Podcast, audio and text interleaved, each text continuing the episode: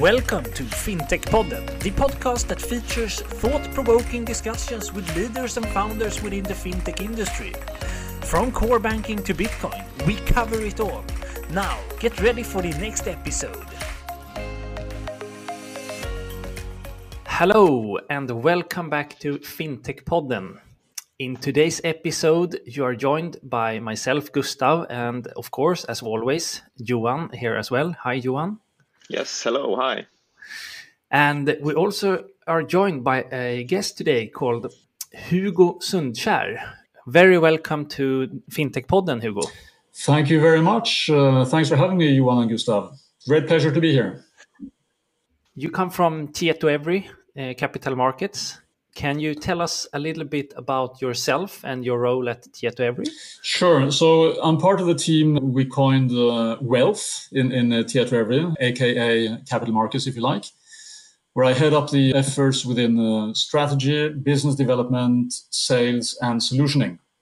So what we do in, in, in the Wealth uh, business unit of Tietoevry is we provide the Nordic financial industry with core business systems for trading, investments and savings, typically in equities and funds, also pension savings, pension insurance, life insurance, and treasury. So basically, by supporting our customers, uh, the financial institutions, we help citizens create personal wealth, secure their personal wealth, and then, of course, tap into their wealth in, in due time. So that's one way of putting it. Very interesting. Just out of curiosity, what are some of your who are some of your biggest customers?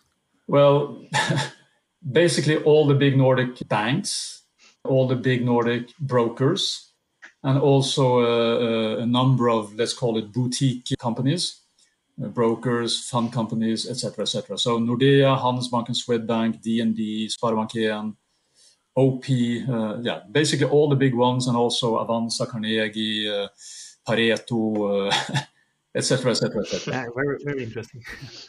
but if we take a, a step back and and uh, let the listeners know a little bit more about you and your career so far, so so who is who is Hugo? Ah, well, I, I often wonder myself, uh, but uh, I think I mean, I, I, if I if I go back a little bit, I mean, how I started uh, my my career after my studies. I mean, I would say I got got into a pretty good start. I mean, after my studies uh, at Handelshøyskolen in Bergen in Norway, I applied for several jobs, but not necessarily within the financial industry.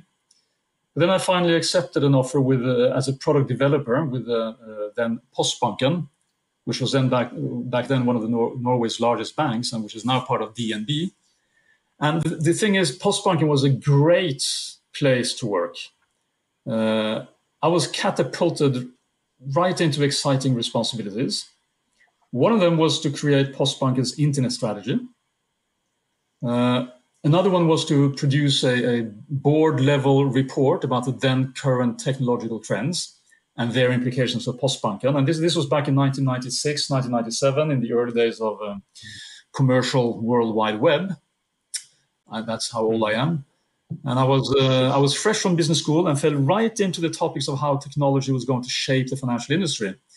So uh, so part of the I mean pretty exciting stuff. And part part of the work was about reaching out and involving uh, internal experts, external experts in various domains.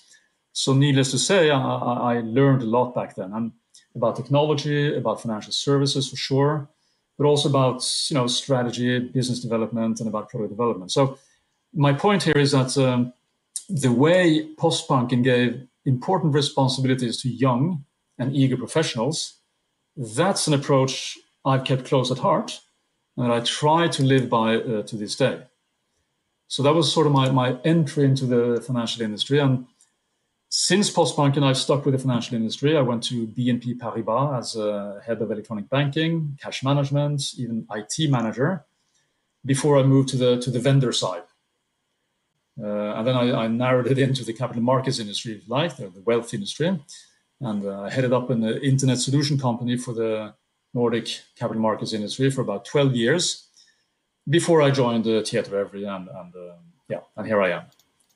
So that was a the, the professional Hugo in in, uh, in a couple of minutes. Yeah, very interesting story. And uh, I also think you gave a really good intro to what you do at capital markets. But can we do a little bit more of a deep down? What type of products and so on do you have in the different segments? Yeah, so um, I mean, if, if you if you guys would buy shares, I mean equities uh, or mutual funds through brokers or banks or, or fund companies in the Nordics, well, well, then there's a very big chance that your transactions and your holdings will be handled by us.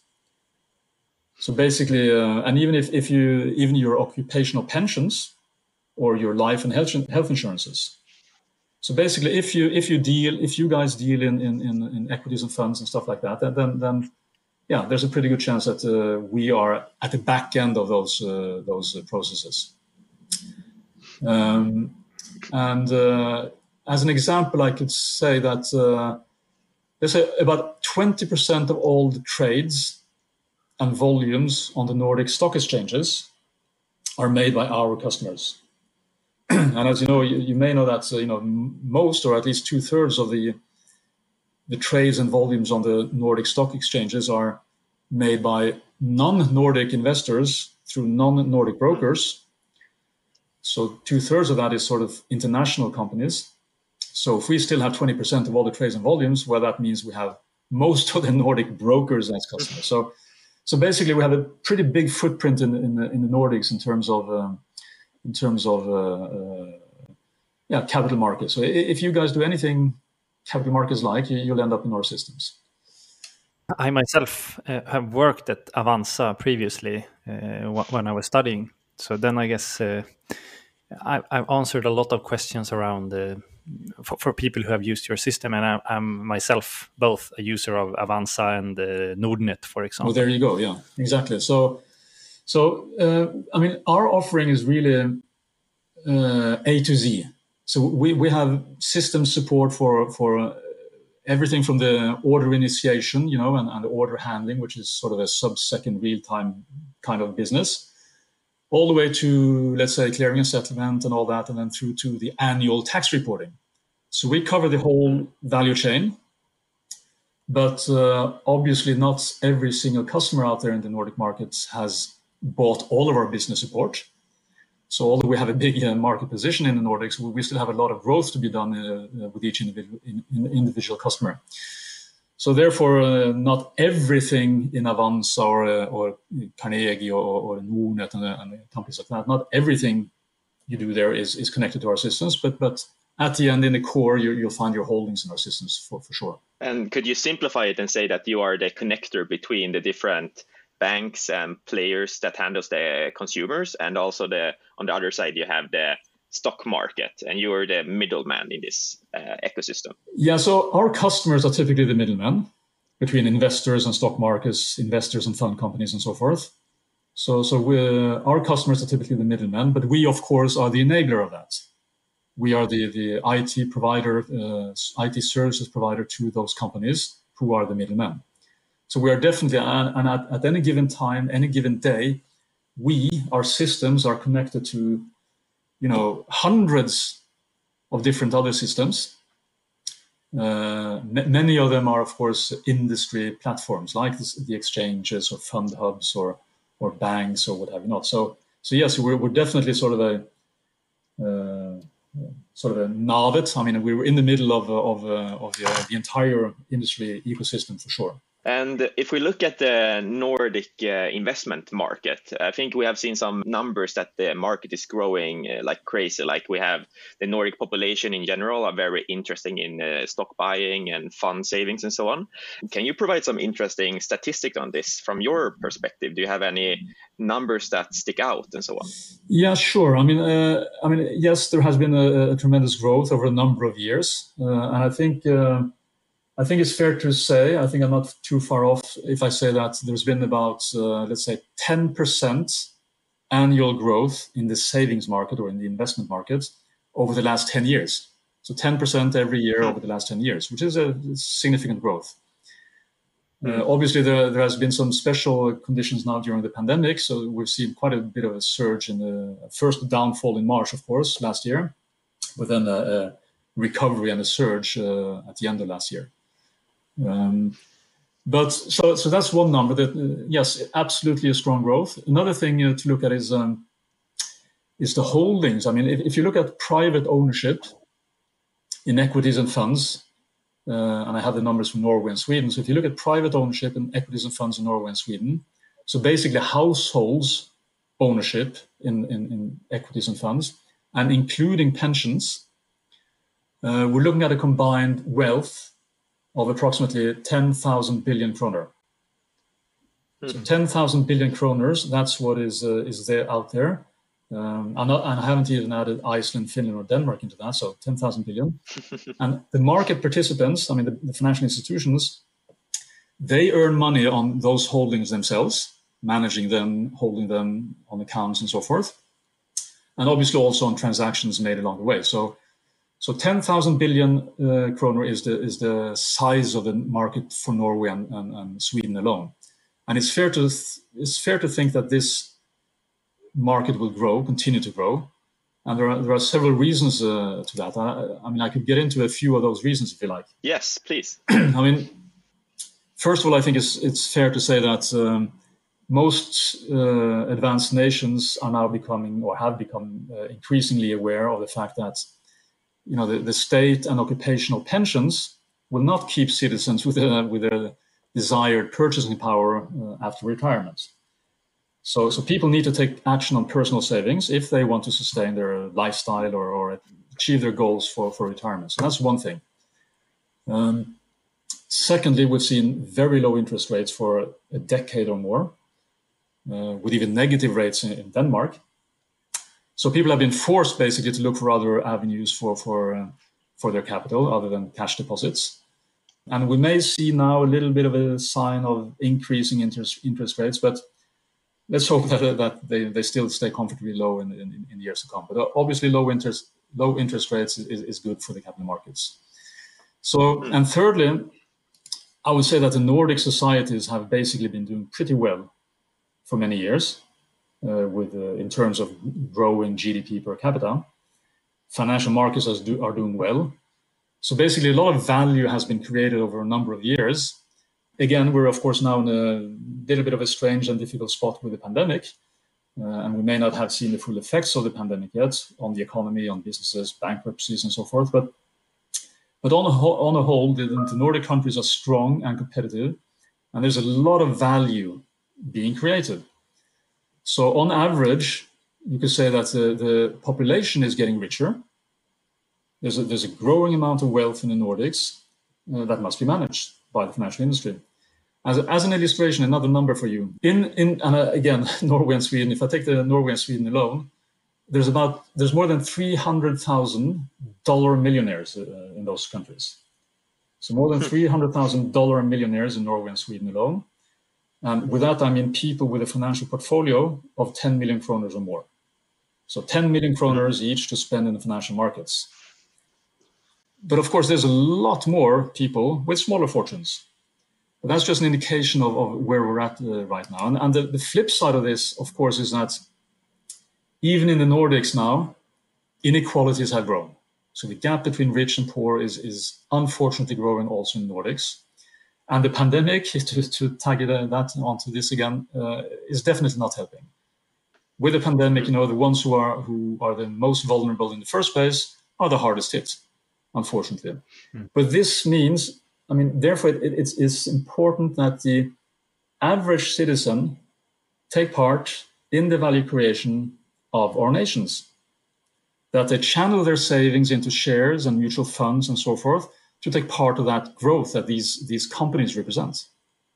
And you can do that even with small sums of money. Um, and over the years, it hasn't really been clear that that's a gradually larger share of the population has has started investing in mutual funds and, and shares. Maybe even the contrary. Maybe maybe there have been less of ordinary people into the markets.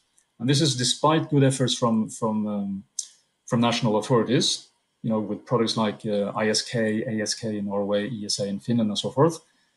These products have been pretty successful in isolation, but it's not conclusive, I would say, that they have led more private individuals to save in equities and funds. And again, but now with the pandemic, we've actually for the first time seen a, a significant, significant growth in the number of new investor accounts, including more young people, or at least people under 40 years, and more women. So that's positive, and let's hope that that continues, and, and that many of these fresh rookie investors see their investments uh, return profits, so that they're motivated to continue their investment. So for me, this is, and for Tietoevry, I mean, we, we're committed to changing the society for the better, and part of that is, is in, in our wealth domain is, is to to help ordinary people take part in the returns that the capital markets give, which is just a representation of the growth of nations. So, um, and and I have to say that along the way, I mean, uh, you know, there's been there's there's been a lot of mystification about the capital markets, uh, cynical money people trying to screw you and all that. But there has been a lot of a lot of uh, good work lately over the years to to demystify the capital markets, educate people, build awareness, regulations, build trust, uh, you know, more transparency, lower prices of transactions, uh, and at least uh, improved digital tools so that people can sort of get informed and, and, and be more enabled to invest uh, in the way that's sees fit. So, so there are a lot of things that that uh, that um, that should uh, sort of um, lead to to continued growth in the savings market. There's a big potential for more people to take part, and, and the markets seem to be evolving positively. And at least in the long run, it's fair to assume that there's growth in the in the markets. So I, am confident that uh, this market is, is, is growing. I, I, think you bring up a lot of interesting things here. Uh, I, myself, I'm, I'm very active in the capital markets, and uh, it's been, a, as you said, a very special year since the pandemic.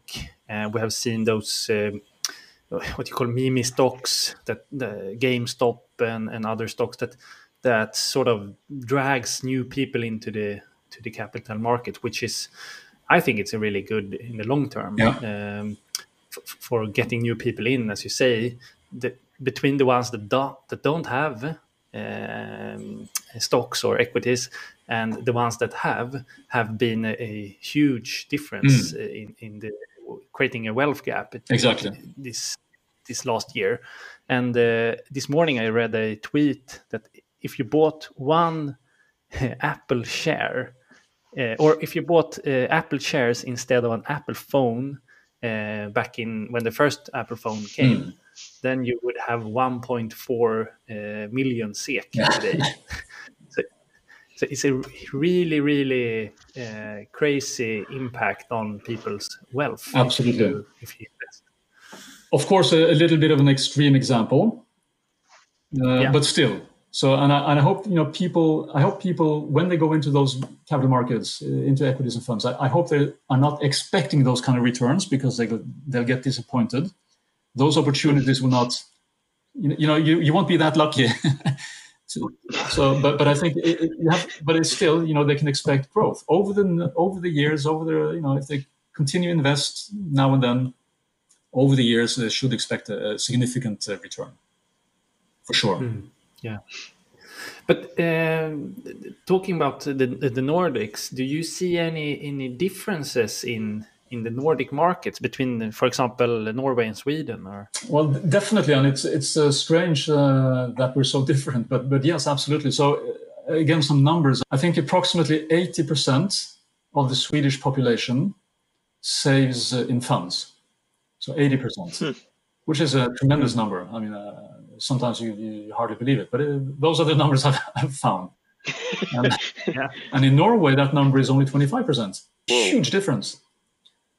Uh, and so we, we, in Sweden, you're, you're much better at saving, basically. Swedes are much better at savings. Now, I don't know why it is, but I mean, Norwegians are typically into uh, real estate, and if they have their own home already, well, they buy some more real estate to rent out, or a cottage in the mountains, or uh, by the sea, or something. I think I think Norwegians are really focused on real estate. Um, I don't know if Swedes are that as well. I think that's part of the part of the answer at least. But the, Swedish number that must be like one of the highest in the world, or what do you think about that? Uh, I mean, I can't really see that it can get much higher. you know, exactly. So, uh, so uh, yeah, uh, probably one of the highest in the world. Yes. And if you compare the Nordic market to the rest of Europe or the rest of the world, as we said, like, can we see any large trends that differ us? I don't know if there are big trends, but I mean, for sure, you know, the Nordics are still, you know, the richest part of the world. So there's a lot of wealth per capita. So it's uh, obviously there's a lot, lot, lot to be invested. There's a lot to manage and so forth. It's an attractive market, and also uh, we, we we still you know rank very very high in uh, stuff like internet penetration, smartphones, broadband, all that stuff. We're also among the leaders in you know electronic IDs, bank-backed e-signature solutions, and that stuff. So all of this uh, converge into a pretty attractive market uh, where people are really well versed in, in smart digital channel solutions and so forth, also in, within the wealth area. So although you see really innovative uh, offerings out there in, in the US uh, and so forth, uh, I would say that uh, the Nordics are, are, pretty advanced in terms of um, in terms of digital wealth and new concepts for servicing um, consumers and so forth. It's a lot of fintechs, especially in Sweden, for instance. So um, yeah, I, w- I would say we're, we're, we have an edge in the Nordics. And by the way, you know, so I mean, Sweden has been a, a, a sort of a, within the wealth area, within the capital market. Sweden has been a, for many years a, hotspot for advanced uh, technological companies within the capital markets. We have the Nasdaq, right? That that has some connection to Sweden. Absolutely. Or...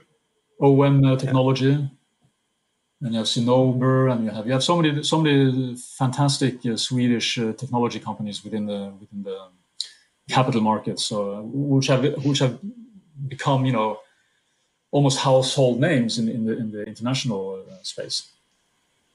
Hmm. And now we're seeing a lot of, as I said, a lot of exciting small uh, fintechs. There's a lot of creativity, a lot of innovation going on. But if we look at the underlying infrastructure to power this financial market like what different type of software is there uh, to power this whole thing i mean you have anything from you know the order management systems uh, that in in, the, in in terms of milliseconds need to check out the price for a stock uh, with different marketplaces and then place your order uh, where it gets the best execution, you know, and all of this in, in, milliseconds, you know, so you have those kind of systems. And then you have the, you know, clearing and settlement systems that are pretty complex in terms of business logic. There's, a, there's so many different kinds of instruments, so many different things that can happen in, in the stock, you know, like corporate actions, mergers and acquisitions, splits, uh, dividends, uh, uh, restructurings, a lot, lot of different things, divestments, all of that affects the stock, and you have to handle that in the systems. So, pretty, I would say, all in all, uh, it's pretty hairy stuff, in, in both in terms of uh, technology and also in terms of uh, complex business processes. And all of this, so you have to have high power systems uh, that, that automate really complex processes, operating in milliseconds, and then again with thousands of operations or, or, or requests per second many thousands, tens of thousands of operations per second. So I would, in, in short, I would say it's a uh, you know pretty high power systems with a lot of lot of um, features embedded in them, complex stuff. And, and I have to add maybe that uh, in our space, although we have a we have a pretty good uh, uh, position in the Nordics, we compete with some regional players, of course, uh, Norwegian, Swedes, uh, and so forth. Finnish companies, but we also definitely compete with the large European and even global companies. I mean, global uh, vendors to the to the capital markets. So there's a scale game here, and we really need to get, keep, keep ourselves on our toes. Uh, but we continuously stay competitive, both in, in capabilities of what we actually do with our systems, but also in pricing. Um, mm. Considering the high costs uh, we live with in, in, the in the Nordics, uh, I'm pretty uh, proud that we can that we can be competitive also on price with the fairly attractive market we operate in, but but it's fairly small as well. So even in a small market with with high living costs, we manage to be competitive both in capabilities and pricing, which is pretty good. Very interesting. Uh, do you have some insights on future trends and development in this area? Mainly, we have already been into this a little bit, but in the Nordics and globally, uh, do you see any big trends right now? Yeah, I mean, there's so many things, I guess, but I mean, uh, for one, looking a little bit from being a little bit introvert, prices for financial services are declining. So the prices that, that end customers pay those prices are declining, and which means you know ever decreasing commissions and fees for our customers, the banks, uh, and that's on transactions, on account services, asset management, all of that. So, and at the same time, you know, the cost of IT and the cost of people is is, is uh, not only the largest elements, but they continue to grow all the time. So, what we see as a trend in our business, that's the introverted part, is that the the players in the market will continue to to you know, put pressure on modernizing their systems, consolidate their systems, do more platform, tap more into industry platforms, reduce complexity, outsource. So there's a lot of stuff going on there to to to commoditize their operations, so to speak. And some will probably also tune tune their staffing. But at the same time, we see a hell of a lot of investments going into offering development out to the end customer digital service concepts, you know, new, new uh, exciting digital service concepts in an effort to win the, the battle for the end customer. So there, there's a lot of investments going on. So the end customers out there can expect to see a lot of new and are already seeing a lot of new smart digital services. Um, anything from uh, both from the large established players, but also from new fintechs. And, and, you know, there, you've seen a lot of examples like uh, the social networks um, dimension entering uh, entering the capital markets like uh, with Shareville, eToro, and stuff like that. So that's one thing. But uh, I'd like to highlight one thing maybe, and it's related to what I said before, because if you want professional advice in the capital markets, you typically have to have a solid uh, investment portfolio. If you want to get the best professional advice, you have to have you know a few million to invest. Otherwise, you're not that interesting. And, and very often the the investment uh, business, uh, so the advisement business is, is really human effort intensive. But what we see now is, a, is a new concepts uh, using artificial intelligence, machine learning, uh, that not only analyze uh, the markets, the instruments, and so forth, but match those analyses with uh, model portfolios, but also with the individual profiles of investors. And, and with all of that, you can automate uh, and produce real smart investment advice that are really tailored to your specific needs uh, at, at extremely low cost.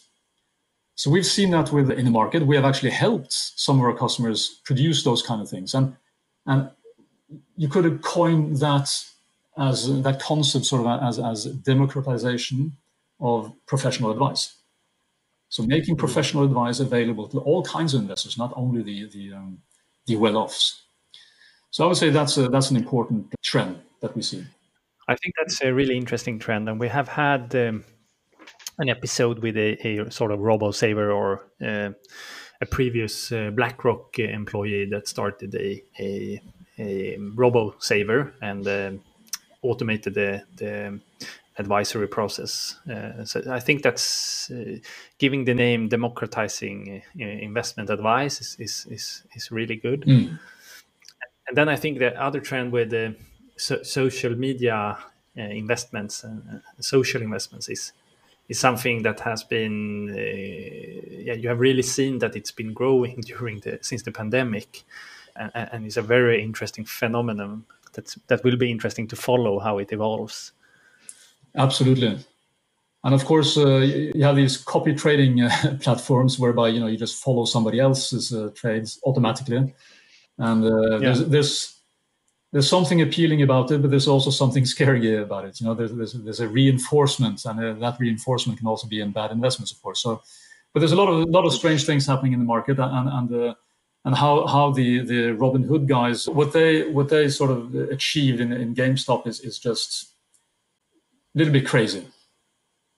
So I, I yeah. that's not exactly how the capital market should work, but, but for sure the, the social dimension has has entered has entered the market. Do, do you have any opinion on whether it's uh, that they have done uh, right, uh, Robinhood?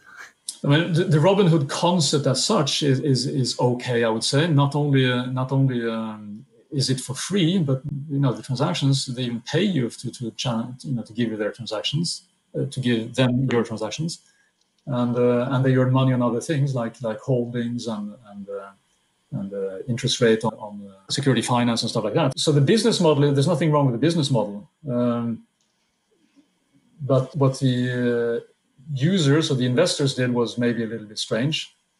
They, they pressured the price upwards in a company that was presumably fairly well priced in the first place. So they pressure the price up to the extreme, and obviously somebody's going to lose money on that. And who is that? Well, probably not only the hedge funds who had short positions, of course, but probably the end investors.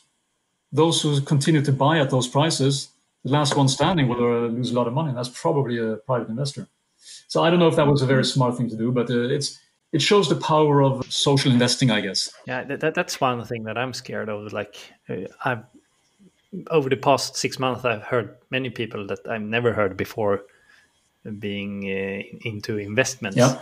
and they suddenly start to ask about GameStop and so on at, at, at prices that are very very riskful to to get into. And if that's the first time that you get into the capital market, that that, that can hurt. Exactly, exactly. And maybe connecting to this GameStop and Robinhood uh, saga, there's something called T plus two in the capital market. Yeah. And my understanding is that this is connected to settlements of traders of stocks, for example. Yeah.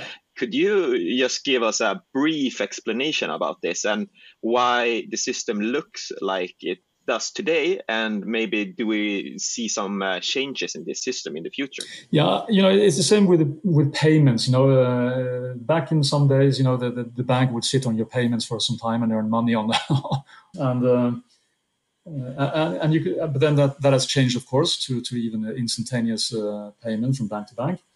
But in, in the capital markets securities trading is a little bit more complicated. So there's there's per se more of a hurdle to, to reduce those lags for in, in settlements. But we have advanced, so you know it is not that long ago that you had T plus five, and then you had T plus three, and now you have T plus two. And obviously, uh, intuitively, you'd, you'd expect that okay, so next one is T plus one, and then maybe T plus zero, and so forth. And, and there are discussions on this. And the idea is that you know if you if you reduce this settlement cycle, you reduce the need for collateral. So that, that needs to be, and, and, you had that with Robinhood. You know, they, they uh, because of the volumes, the price, uh, the values of their positions, they needed to increase their collateral, and they had to. They didn't have that money. They needed to, to finance mm. it, so they, they, they, had to stop for a couple of days or something. So, so a shorter uh, settlement uh, cycle reduces the need for that collateral, and that's of course uh, lowering the costs of doing that business. And of course, you know, a shorter cycle also reduces risk per se, you know, a, a shorter time during which bad things can happen. And also a shorter cycle is it can only happen if if we have more efficient processes, which again is uh, means lower operational costs and lower operational risks. So all of this, you know, risk and cost reduction will then eventually represent lower risk and cost for the investor. And so ultimately, my guess is that, yeah, this is just a natural evolution. But I wouldn't speculate on the timeline for this because I think the industry is, is ambivalent because they see the, the benefits for sure. But the sad thing is that to make this happen requires quite a bit of uh, investments. And it's, it's not so easy to, uh, to see the return on those investments. So it's, it's a natural thing. It goes without saying it, it should go in that direction, but you can't really you can't really make that business case. And I, I think uh, VP Securities, I mean now Euronext, the, the CSD, uh, in Denmark, they went on to to you know the target two securities, which is which is part of this picture, I would say. And it was a hell of a, a, a, a project for all parties involved in Denmark. And the CEO of, of VP Securities was quite clear that, hey, this is something we had to do. It was the right thing to do, but it's not easy to, and you can see the, conceptually, you can see the benefits in the future, but it's difficult to calculate the, the benefit here and now. Mm.